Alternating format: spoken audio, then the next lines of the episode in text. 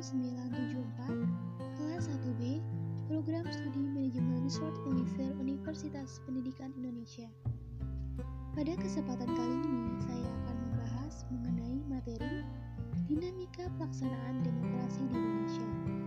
Berbicara mengenai demokrasi di Indonesia, tidak dapat dilepaskan dari pelaksanaan demokrasi dan pengertian demokrasi dalam kontekstualnya.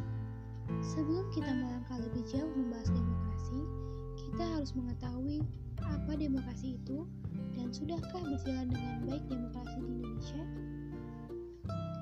Demokrasi adalah suatu bentuk pemerintahan politik yang kekuasaan pemerintahannya berasal dari rakyat, baik secara langsung atau melalui perwakilan.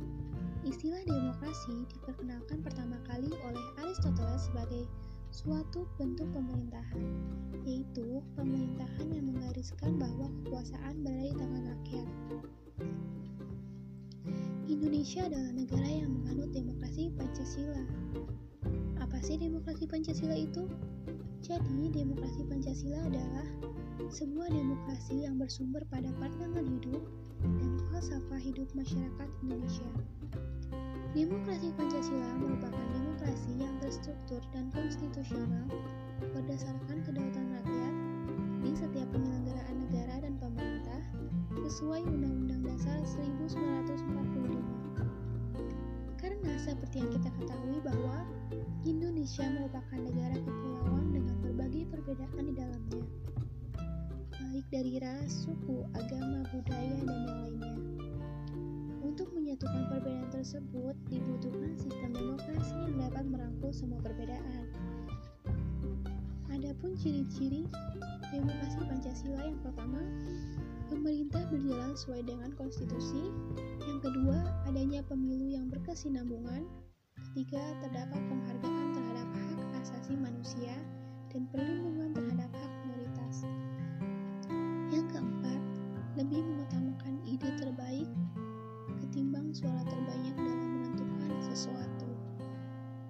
Demokrasi Pancasila memiliki fungsi yaitu yang pertama menjamin berdirinya Republik Indonesia, yang kedua menjamin keikutsertaan rakyat dalam kehidupan bernegara termasuk dalam pemilihan umum, pembangunan dan dalam pemerintahan. Yang ketiga, menjamin pemerintahan yang bertanggung jawab. Yang keempat, menjamin tegaknya hukum yang bersumber dari Pancasila. Kesimpulannya, demokrasi secara umum merupakan sistem pemerintahan yang segenap rakyat turut serta memerintah dengan perantara wakil rakyat. Namun, ada juga yang menyatakan suatu sistem politik yang di mana kebijakan umum ditentukan atas dasar mayoritas oleh wakil-wakil yang diawasi secara efektif oleh rakyat dalam pemilihan berkala yang didasarkan atas prinsip kesamaan politik dan diselenggarakan dalam suasana terjaminnya kebebasan politik. Dalam demokrasi, kebijakan rakyat menjadi prioritas suatu sistem.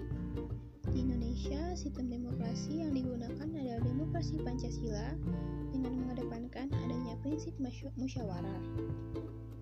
Dengan bermusyawarah diharapkan dapat memuaskan semua pihak yang berbeda pendapat. Sekian dari saya.